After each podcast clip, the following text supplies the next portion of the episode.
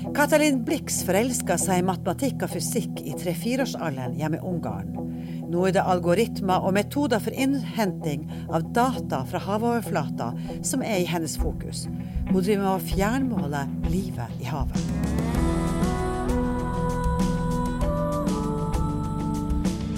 Observatoriet. En forskningspodkast fra UiT Norges arktiske universitet. Med Geir Hevnskjell Ringvold, mannen som lurer på det meste, og Marit Anne Hauan, som bokstavelig talt lever av fortellinger. Og en ny, spennende forsker hver uke.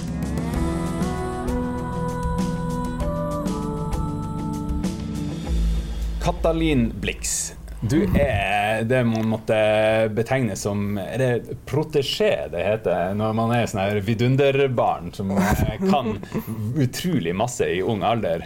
Nå, nå jeg vet jeg at jeg føler Det er ikke meninga å, å, å, gjøre deg flau her, men, eh, men, mine kilder sier at allerede i tre-fireårsalderen så kunne du eh, altså flere av gangetabellene. Ja.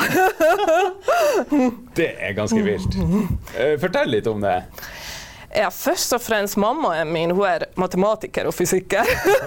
så det ligger i familien. Og jeg syntes det var spennende å kunne gange og edde og ja, jobbe med tall, rett og slett. For du er opprinnelig ungarsk. Ja. ja. Mm. Og eh, er det sånn at det er et ekstra press der for at man skal eh, yte i så ung alder, eller eh, var det bare Nei. noe din familie Nei. dere snakka om rundt matbordet, liksom? Nei, jeg tror hun mamma vil bare kvitte meg rett og slett og få litt ro, og hun ga meg vanskelige oppgaver. og det som var saken. God pedagog, altså. Ja, ja, ja. og du likte det? Ja, jeg syntes det var spennende. Så spesielt når hun sa at nei, men det her klarer du ikke. Det er så vanskelig. Og sånn. Nei, men det her må jeg klare. så bra. Ja. Men hvorfor var det altså, var det du sier at hun var matematiker? Ja, hun er matematiker. Ja. Mm. Så du fikk ikke sånn oppgave å gå og bake et brød eller vaske kjøkkengulvet, eller? Ja, det måtte jeg også gjøre. Den Det er bra.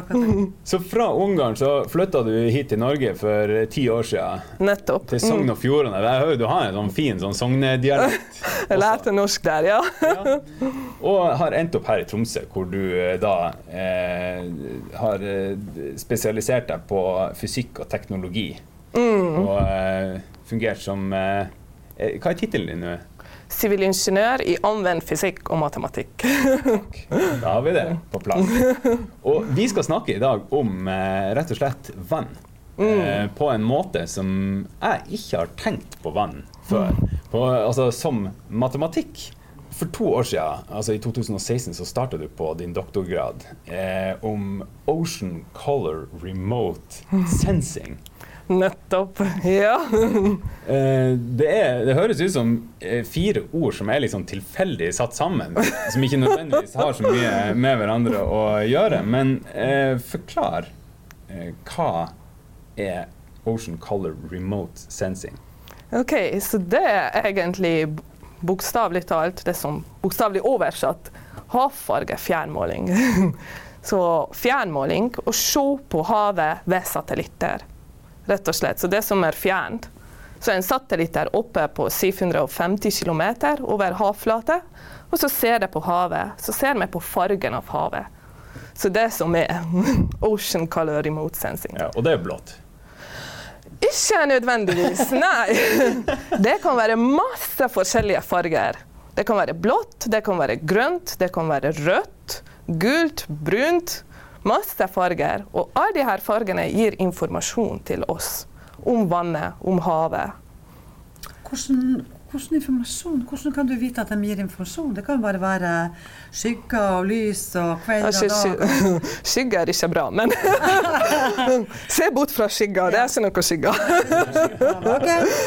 Så hvis det er grønt, da er det alger i havet, rett og slett. Så det, det er jo det samme som eh, trær på land. Og det er jo vegetasjon inn i havet. Så det er noe som kalles algeblomst, og det skjer uh, hvis forholdene er rette. Og da er det kjempefint å se på den fra satellittene. Så der vet du det at her har vi noe bra i havet. Der har du alger, der er det liv. Mm. En brunt. Brunt eh, det kan være litt forskjellig om det er gult eller brunt. Det er eh, vanligvis det er ved kystområdene, hvor du har eh, først og fremst det kan være grunnere vann, eller elver som kommer inn i havet og tar med sedimenter. Og de her sedimentene gir en sånn gul farge. Og det er en utfordring i fjærmåling, faktisk. For du kan ha både alger og sedimenter i kystsonen. Men der ser du ikke hvor mye alger du har. Du ser, du ser bare gult eller brunt. Aha. Men er det øynene, altså? Det er det du, når, du, når du får disse Du får sikkert en film eller bilder fra fjernmåling over et område, og når du skal se på det, er det øynene dine som som er bestemmende, og som du bruker for å analysere dette? Ja, det som er saken. Nei, det er ikke det. Du kan se på det. Det er noe som kalles RGB-bilder. Som Som uh, rød, grønn, blått. Så det er litt sånn Jeg blir alltid så Ja. på senga når det er sånne lette for forkortelser. Jeg hadde forventa meg latin og engelsk. Og... Ja, Nei, nei, det var veldig enkelt. Det er rett og slett å ta et bilde. Og da ser du noe, men kanskje du ser ikke den informasjonen du er etter. Så der trenger du noe algoritme for å utvinne informasjon. Ok, og da begynner vi å komme tilbake til der vi starta, med matematikk Ja, nettopp. og fysikk. Ja. Hva er en algoritme? Hvis du skulle forklart hva en algoritme er til noen som eh, jeg kan spørre for en venn eh, ikke er helt trygg på hva, hva det begrepet betyr. Det er masse forskjellige typer algoritmer. Det er noe som beskriver fysikken, som Newtons algoritmene, f.eks. Og det er noe som er maskinlæringsalgoritmer, som jeg jobber med. Og det der anvendes for å lære fra dataen.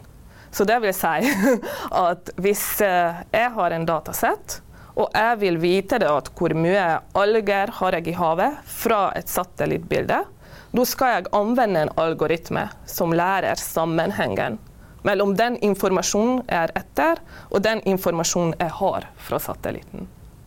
Ok, Men, men uh, du forklarte fortsatt ikke hva en algoritme er. Hva er verdens letteste algoritme?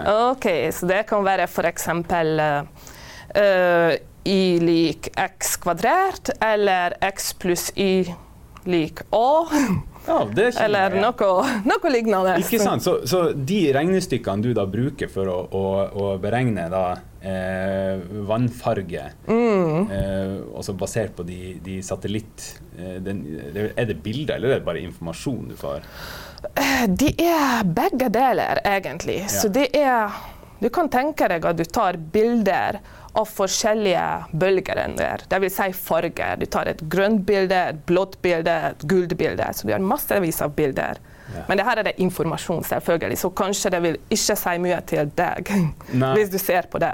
Nei, så det er ikke sånn at du blar, du sitter med en sånn, sånn fargeprøve, og så masse, masse, massevis av bilder som den satellitten har tatt, og så eh, venter du til du eh, finner noe som gjenkjennes. Uh, nei. nei, nei, nei, nei, ikke sånn. Det hørtes litt for enkelt ut. Når du, når Ville ha vært fint. du lager en sånn algoritme, algoritme em, kan, Har du nok informasjon fra, fra din sivilingeniørutdanning, eller må du samarbeide med noen andre for at du skal kunne forstå havet? Altså For selve maskinlæringsbakgrunnen, for å lage den der algoritmen, vil jeg tro at jeg fikk den eh, bakgrunnen. Selvfølgelig det er alltid viktig å samarbeide med andre og få nytt kunnskap. Men for å kunne tolke det, det der ferdigproduktet, der må jeg samarbeide med andre. Som biologer, f.eks., som kan si noe om OK, det her har du et eh, det er noe som kalles klorofyllkart. Det er hva algene og landplant også inneholder. Og hva det her betyr for noe. Hvis det er mye her, eller det har forflytta seg. Så det er dem som tolker det og kan uh, si noe om fisk eller andre liv i havet. Så det er rett og slett eh, Du, du er ikke ekspert på alger, du er ekspert på farge. Eh, ja, du kan si det sånn, ja. Og, og algefarge. Så du er rett og slett en sånn algealgoritmemaker. Ah, OK. Og sedimentalgoritmemaker og litt Ja, ja, ja. Men, men det, eh, det er en fin måte å komme inn i det, syns jeg. Jeg syns du klarte å knekke en liten kode der. Fordi at det er jo For oss andre så, som ikke er innenfor matematikkfaget, så er jo det at man kan lage en sånn beskrivelse eller en serie med tall og, og tegn, og få et mønster ut av det, og at det kan brukes til å analysere med, er jo nesten magisk. Det er jo nesten Ja, det er det. Mm. Ja, ikke sant? Spesielt med tanke på maskinlæring. Så det, det som er den andre motivasjonen, å finne ut at hva som er det driveprosessen til gjerne black box-algoritmene. Ja.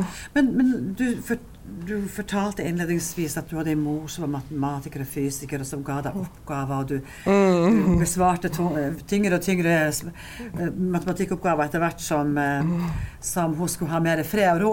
Ja, nettopp! Men, men hva er overgangen mellom matematikk og vann? Altså hvorfor, du kunne jo, Når du sier eh, du kunne jo holdt på med mange andre ting. Vi har jo eh, folk som jobber med maskinlære, som holder på med helsespørsmål. Og, Ja, ja, ja. Ja. Mm. Så det var min, min motivasjon, min interesse, vil jeg tro. Altså, Ja. Du satt og var fryktelig tørst en dag. Nei. Ja, nei, eh, altså Det starta med maskinlæring her på UT ved masteren min. Og der, for å kunne teste ut algoritmen, trenger man data. Og jeg, fant, jeg fikk dataen, og jeg ble jo interessert. at ok, det her type dataen finnes det for hav også. Og jo da, det finnes, og det er jo veldig utfordrende. Det er veldig vanskelig å utvinne informasjon fra hav, sånne type informasjon. Men det er veldig viktig. Så jeg tror det er som var motivasjonen min. For det er jo viktig i forhold til forskning og viktig i forhold til industri og for mennesker, rett og slett. Altså, vann er jo eh, utvilsomt eh, noe av det viktigste vi har Ja. eh, på jorda. Jeg hørte en plass at det, du kan eh, klare tre uker uten mat, men du kan bare klare tre dager uten vann. Så det sier, det sier seg sjøl at eh, det her er eh, noe eh, som er litt groundbreaking, da.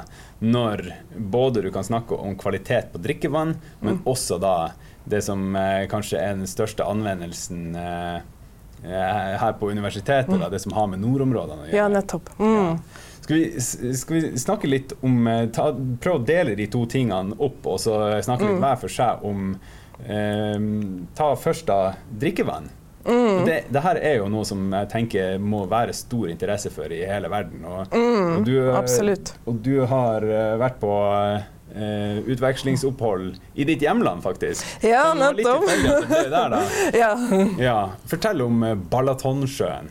Ja, så det, Grunnen til det at jeg har jo dratt dit hen, at Balatonsjøen er et uh, innsjø som er veldig stort og veldig kompleks. Det vil si at fargen til den innsjøen varierer seg. Som en del av innsjøen ligger nær på åpent hav. En andre del av innsjøen ligger nær på kystområder. Så du får alt mulig variasjon inn i den gitte innsjøen. Så for å kunne dra dit og få tak i data kan løse problemer globalt. Så det var den første, håper jeg. Så, så det er litt stort, men eh, Men er det forurensning da i Balatonsjøen, eller er det bare at den er av, av ulik karakter? Nei, nei, ikke i dag. Det er bare vanlig, naturlig fenomen. Men før har det vært forurensning der. Eller eh, i 70-tallet altså Dette er et veldig populært feriested. Så har eh, de bygga ut området, kystområdet ved- i Balatonsjøen. Og det var jo økt eh, menneskelige inngrep i innsjøen som, og jordbruk, som førte til eh, veldig dårlige vannforhold. Vannkvalitet. Mye alger. Mye alger, og vannkvalitet var veldig dårlig. Og de forskerne der i det instituttet hvor jeg er hen, de har jo overvåkna innsjøen kontinuerlig. Ikke med fjernmåling da, men eh, med andre eh, teknologi. Og de har jo oppdaga det.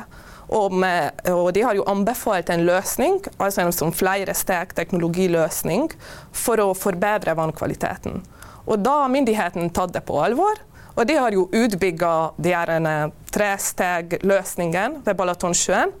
Og i dag har de ikke bare snudd rundt den prosessen, men innsjøen er jo helt tilbake til de der før-forholdene. Så det er jo Ja, Det var veldig unikt. Det var så lykkelig eh, happy ending. Ja, det var en Nesten skikkelig happy ending. Ja, ja, ja.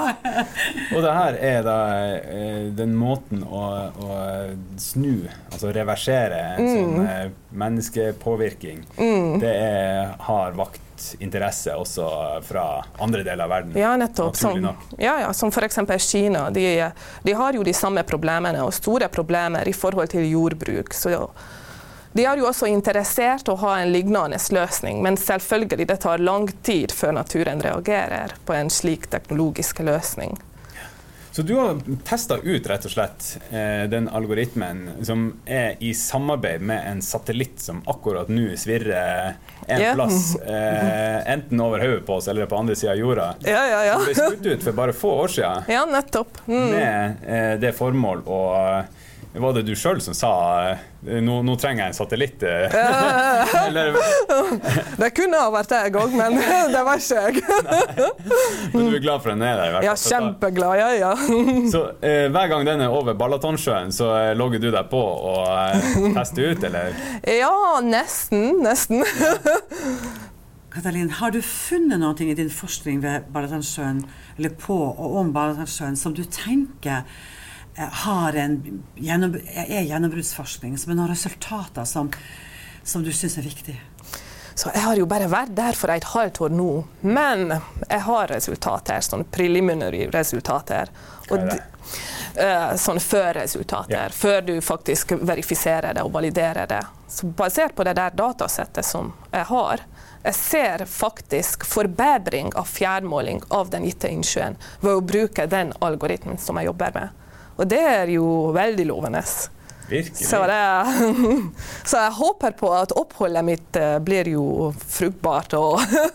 Men er det da fargeforskjeller som du også kan se med det blotte øyet, eller må du ha algoritmen for å gjenkjenne det?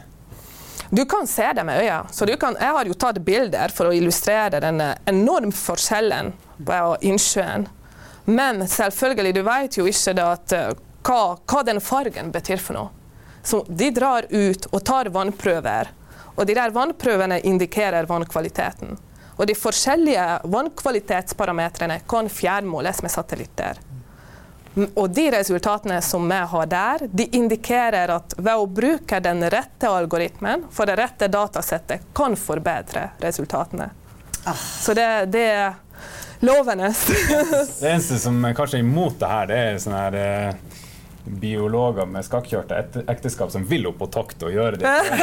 Ja, det var akkurat det kollegaene mine sa til meg når vi er ute på innsjøen. Men det som er fint her, det er jo det som kanskje man ikke får øye på eller ikke tenker så mye på, det er at du kommer du kommer tilbake til ditt eget hjemland. altså Du skaper ei bru mellom dette fagmiljøet her ved Universitetet i Tromsø og Ungarn. Og vi er jo Absolutt. utrolig kry over at vi har så mange internasjonalt funderte forskere sammen med oss ved Universitetet i Tromsø. At vi faktisk er et, en internasjonal hub når det gjelder ny kunnskapsproduksjon. Sånn at du har brakt Ungarn eh, til Tromsø, og det, det virker bra. Altså. Stas. Norges arktiske universitet. Eh, Da, det bringer oss over på det andre formålet. Som, eh, nå har vi snakka om, eh, om innlandssjøer. Altså. Mm. det her er jo i høyeste grad aktuelt for havet også. For Ja. Særlig nordområdene, som, som jeg vet at du har satt deg litt ekstra inn i. Mm -hmm. Hva er på en måte utfordringene vi står overfor der? Først og fremst, isen smelter, så det er noen endringer som skjer her oppe. Det vet vi alle sammen. Og det her har en påvirkning av eh, livet i havet, rett og slett. Så det er jo observert at fisken begynte å flytte seg nordover, og uh, alger dukker opp i kanskje større mengder, eller uh, tør ikke å si meget mye om det her, for det er ikke mitt felt, men det er endringer som foregår. Og det dermed er det veldig viktig å fjernmåle disse endringene i nordområdene. F.eks. alger eller vannkvalitet i nordområdene. Du kan ikke tøffe rundt i en båt eh, og ta prøver av eh, hver 100 meter eller hver kilometer. Og da skjønner jeg godt at det er litt, litt diggere å sitte Ja. på et kontor og Ja, ja, ja. Men Altså, det- kan jo også spørre, altså, Vi vet jo at 60-70% av isen er smelta, ikke allerede smelta. Ikke i bredde, men i tjukkelse og bredde. Men, men og hva så? Altså, da vil det jo oppstå mer alger, det vil jo friske, men det vil for, for se, Og hva så? Kan ikke det bare være sånn?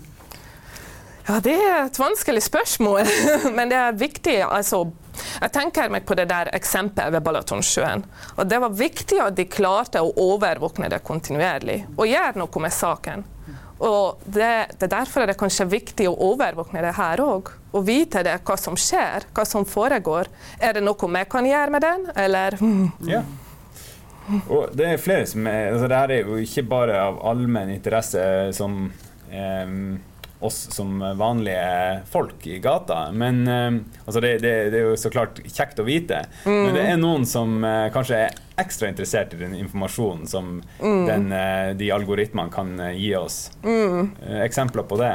Fiskeriindustri. Ja, rett og slett. For at, altså, ofte hvor du har de her algevekstene, der blir fisken òg. Så hvis de klarer å se på de her satellittbildene uh, av alger eller klorofyll, da kan man vite noe om fisken hvor den er hen. Trenger ikke ekkolodd lenger. Dorge med en satellitt. Ja. Altså, det er ikke en direkte sammenheng, for å si det sånn. Men det er ikke en direkte sammenheng? Nei, det er ikke en direkte sammenheng. Men, men, er den, disse dataene tilgjengelige for fiskerne i dag? Ja, det er det. Det er egentlig gratis tilgjengelig for alle sammen. Men det er jo vanskelig å prosessere dataen og laste den ned og forstå hva det er for noe. Så det det er der du liksom trør til med en algoritme som de kan uh, gi dem et svar. Det er der du liksom kan gjøre jobben for fiskerne eller forskerne eller hvem de, andre forskere eller hvem det måtte være. Ja. Ja, ja, ja. Mm. Også oljenæringa. Mm. Eh, hvor kan man drive forsvarlig utvinning? Hvor, ja, man holde seg unna? Ja. Mm. Er det noen der som har eh, banka på kontordøra di? Nei, ikke sånn, men uh, selvfølgelig at de vil helst vite det, hvor, hvor, de mest sårbare områdene er hen, så de kan unngå disse områdene. Så det er viktig for dem å vite det, at okay, det her var det observert kontinuerlig algevekst. Mm. Så der vet vi kanskje at okay, her kommer det til å forekomme liv. Ikke sant? At man ser at veksten trekker mot en bestemt eh, område, område ja. og, og, og da, da, lager man ikke store inngrep i naturen mm. på det området heller. Mm. mm. Det er jo fryktelig interessant. Kan du si noe om da det her, det er, Jeg er enig med deg, det er veldig interessant det her. men hvordan fagfolk er det innenfor det her Ocean Color Remote Sensing? Er det sivilingeniører hele veien? Nei, nei, nei, nei, Jeg tror biologer, en god del biologer. Uh, oceanografer, mm. tror jeg. Og uh, det er litt forskjellige, vil jeg tro. Så du må ikke være fysiker eller matematiker, egentlig. Men for å gjøre den der algoritmeutvikling-delen, det er en fordel for å være det. Det har vært mye prøving og feiling, eh, kan jeg tenke meg. Mm. Hva, hva, er det på en måte et av de største hindrene du har stått overfor i utviklinga der? Er det noen gang du har stått og bare revet deg i håret og tenkt Hvorfor valgte jeg det her? Nei, det har jeg ikke gjort, faktisk. det har jeg ikke gjort. Så jeg er veldig heldig sånn sett. Men det er jo utfordringer, selvfølgelig. Ja. Og det er først og fremst eh, dataen, selve dataen. Altså, det finnes såpass masse forskjellige vann. Altså både i hav, åpent hav, og kyst og innsjøer. Så det er vanskelig å finne en algoritme som beskriver alle disse områdene. Mm. Ja, ja, det... Så det, det, går nesten ikke. ja, ikke sant. For det, det, Jeg forstår det sånn at eh, alger i havvann er bra. I åpent hav, ja. Mm. ja. Og alger si sånn. i innsjøer dårlig. Mm, kommer an på mengden. Mm. Okay. Kommer an på mengden. Så hvis det er over en viss mengde, så dere kan tenke på den der innsjøfargen når det er en giftig grønt. Mm. Som veldig grønt. Det er ikke bra. Vil, du, vil dere bade i den? Nei, nei ikke nei, sant? Det, og da er det, dritt, det er ikke bra kvalitet for å drikke og bade og estetisk. og så der, der, er det ikke bra, men for en viss mengde er det bra å ha. Og så må det være alger for fisken i havet? Ja, nettopp. De for, ja, ja, forskjellige typer alger òg. Som, ja. som, jeg har jo nevnt, de er en rødt farge. Rødt havfarge. Ja, kanskje som en eksempel at det finnes masse forskjellige ja, farger for vann. Hva er rød farge i havet? Så det er en type bakterie eller alge som produserer gift. Og denne giften ser veldig fint ut med men det er veldig farlig òg. Så det kan drepe store mengder av fisk og liv i uh, satellitt. I, Så da er Ocean Remote, uh, altså Ocean Color Remote Sensing, det kan også være brukes Hvis dere får det her til, så kan det brukes som varsel om ja. Ja, ja, ja, det ville vært altså, sånn superfint. Alarm eh, eller beredskapssensing. Ja. ja. Ja, jeg tror det som er målet, egentlig. Så det, Stilig. Ja. El- Altså, det, er ikke så, det er så rart, for det er jo ikke så lenge siden. Det er jo sånn cirka litt over 100 år siden at båtene fikk motorer som var så gode at de kunne, og fikk en størrelse som var så god at de kunne gå opp i Arktis. Ah, okay. Nå kan man, trenger man ikke de båtene lenger. Nå kan man altså bare sende den satellitten, og så kan den bare, bare, plukke ned det, vil vi vite. Sånn. Ja, det er det vi håper på, men eh, selvfølgelig per i dag vi trenger de båtene til å gå ut i havet og ta prøver. og Akkurat det her å lære sammenhengen mellom satellitten og den faktiske vannkvaliteten. Eller å kontrollere det, om det er rett. Ja. Ja. Men i sånne algoritmer som du lager, kan du, kan du spille dem ut og la dem regne seg frem på en helt vanlig datamaskin, eller er du avhengig Ja, ja, nei. Du er ikke avhengig Helt vanlig datamaskin. Mm. Så du kan altså ta det på fanget og være med Hurtigruta opp til Svalbard og sitte og regne? Ja, Ja! Har sett før.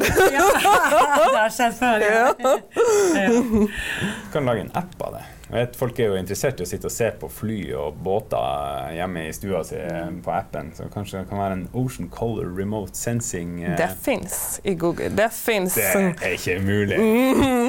Det der kollegaen min ved Balatonsjøen, han har jo laga appen for innsjøer. Så det Ok, Men da er du spesielt interessert hvis Ja. du eh, bruker Lake den. Lakewatch, Watch, jeg tror det kalles. Global Lake Watch. Men eh, eh, for fremtida, er det altså ditt fagfelt eh, Nå fyller Universitetet i Tromsø, Norges arktiske universitet, 50 år i år. Mm. Eh, hvordan ser det fagfeltet ut om 50 år? Oi! På 100-årsjubileet? Oi, oi, Sitter du og plotter inn eh, nye algoritmer, eller? eh, hva skjer da? Ja, det er et godt spørsmål. Om 50 år jeg tror at teknologien kommer til å utvikle seg såpass mye at jeg vet ikke hvis det blir jo behov for sånne ting som jeg gjør. Så, ja, om 50 år? Ja, Kunstig kanskje det. intelligens overtar ditt felt. Nei, ikke overtar. Kanskje å overvåkne det vi gjør, men eh, bare hvis du tenker på det, hvor mye det har jo utvikla seg i løpet av noen få år. Så det er en det- enormt utvikling, både i fjernmåling og maskinlæring. Ja, men det å regne ut en algoritme, det å lage et digert regnestykke, det som man ser på filmer med krittavle som er eh, fra gulv til tak, Ja. stiger og skriver x-er og y-er og kvadratrot og pi og det andre. det, det er det jeg ser for meg når jeg tenker ditt fagfelt. Ja, for det er det egentlig. Det er det, ja. Det er det. Men noen kan uttrykke det på en, en linje. Og det som er så fint i det. Men kanskje hver av de her leddene inn i linjen kan eh, blåses opp, og da får du det. Ja, men er det noe du tror at kan automatiseres av roboter? Den utregninga? Ja, det, ved, ja, ved, dat ved datamaskin. Ja, ja, ja. Men, eh, Ja. Mm. men eh, ja. Så, så du tror rett og slett at forskere som deg vil bli overflødige i fremtida? Nei det, er, det vet nei, det er vanskelig å si, vet du. Ja, Men automatisering, det gjør vi allerede. Så det Men eh, selvfølgelig det er viktig å vite hva som skjer, hvorfor er det slik. Og Og kanskje er det sånn at den flerfagligheten, at man blander biologen og oceanografen og, og fiskerikandidaten sammen med sivilingeniøren fra matematikk og teknologi, at det skal mye til for at maskinene kan klare å snakke sammen på den måten. som ja, ja akkurat. For å få en input fra andre også. Hvis jeg har et resultat, er det veldig fint, som jeg har det der ved Balatonsjøen, hvor jeg sitter sammen med biologer, og jeg har et resultat, så spør jeg dem gir det her mening? Eh, Hva, hva det her betyr for noe? Så får jeg en ordentlig forklaring, så resultatene får en betydning. Så jeg skjønner mye mer. Så det er veldig viktig med interdisiplinært eller tver, tverrfaglig samarbeid. Mm, absolutt. Men du, det er sånn redde verden-forskning du holder på med. at å få informasjon som har betydning både for mennesket og for næringslivet og for, for forskninga. Ja, det vil jeg tro. Ja, ja, ja. Mm. Ja, i hvert fall eh, den informasjonen som gjør at man kan avdekke det tidligere og forberede seg på eventuelle Mm. store omveltninger og katastrofer. Mm. Og ikke minst se, gjøre mer av det som funker. Det jeg, det virker som at det er Vi tar opp Ballasandsjøen Ballatandsjøen igjen, men når man ser at det faktisk er noe som de har lyktes med der, omsetter det Ja, eh, til eh, andre deler av Mm. verden. Og så blir det spennende å se om vi kan gjøre det samme med havet. Ja, absolutt. Mm. Så bare tenk på det at vi, vi vet at det er en eh, menneskelig impact på å være med. Og vannkvaliteten ble jo dårlig på masse plasser, og folk har mistet drikkevann. Og hvis du har et eksempel der at det går an å reversere prosessen, og det går an å Selv om uh, antall mennesker har jo økt ved Balatonsjøen enormt, men allikevel, vannkvaliteten er helt perfekt. Så det går an å ha en litt sånn uh, eh, eh, Sustainable eh, development, rett og slett. Ja, På den måten. Ja. Mm. Ja. Nydelig. Herlig. Nei, men alltid så, så godt eh, å få besøk av noen som, eh, som er med ja, Jeg syns egentlig alle gjestene våre er med å, å bringe eh, sivilisasjonen vår videre i, i en trygg retning. Men tusen hjertelig takk for at du ville komme hit og fortelle oss om de her tingene som jeg trodde skulle være mye vanskeligere å forstå. Men du var veldig god til å, å beskrive det på en enkel måte. Takk skal du ha. Takk sjøl.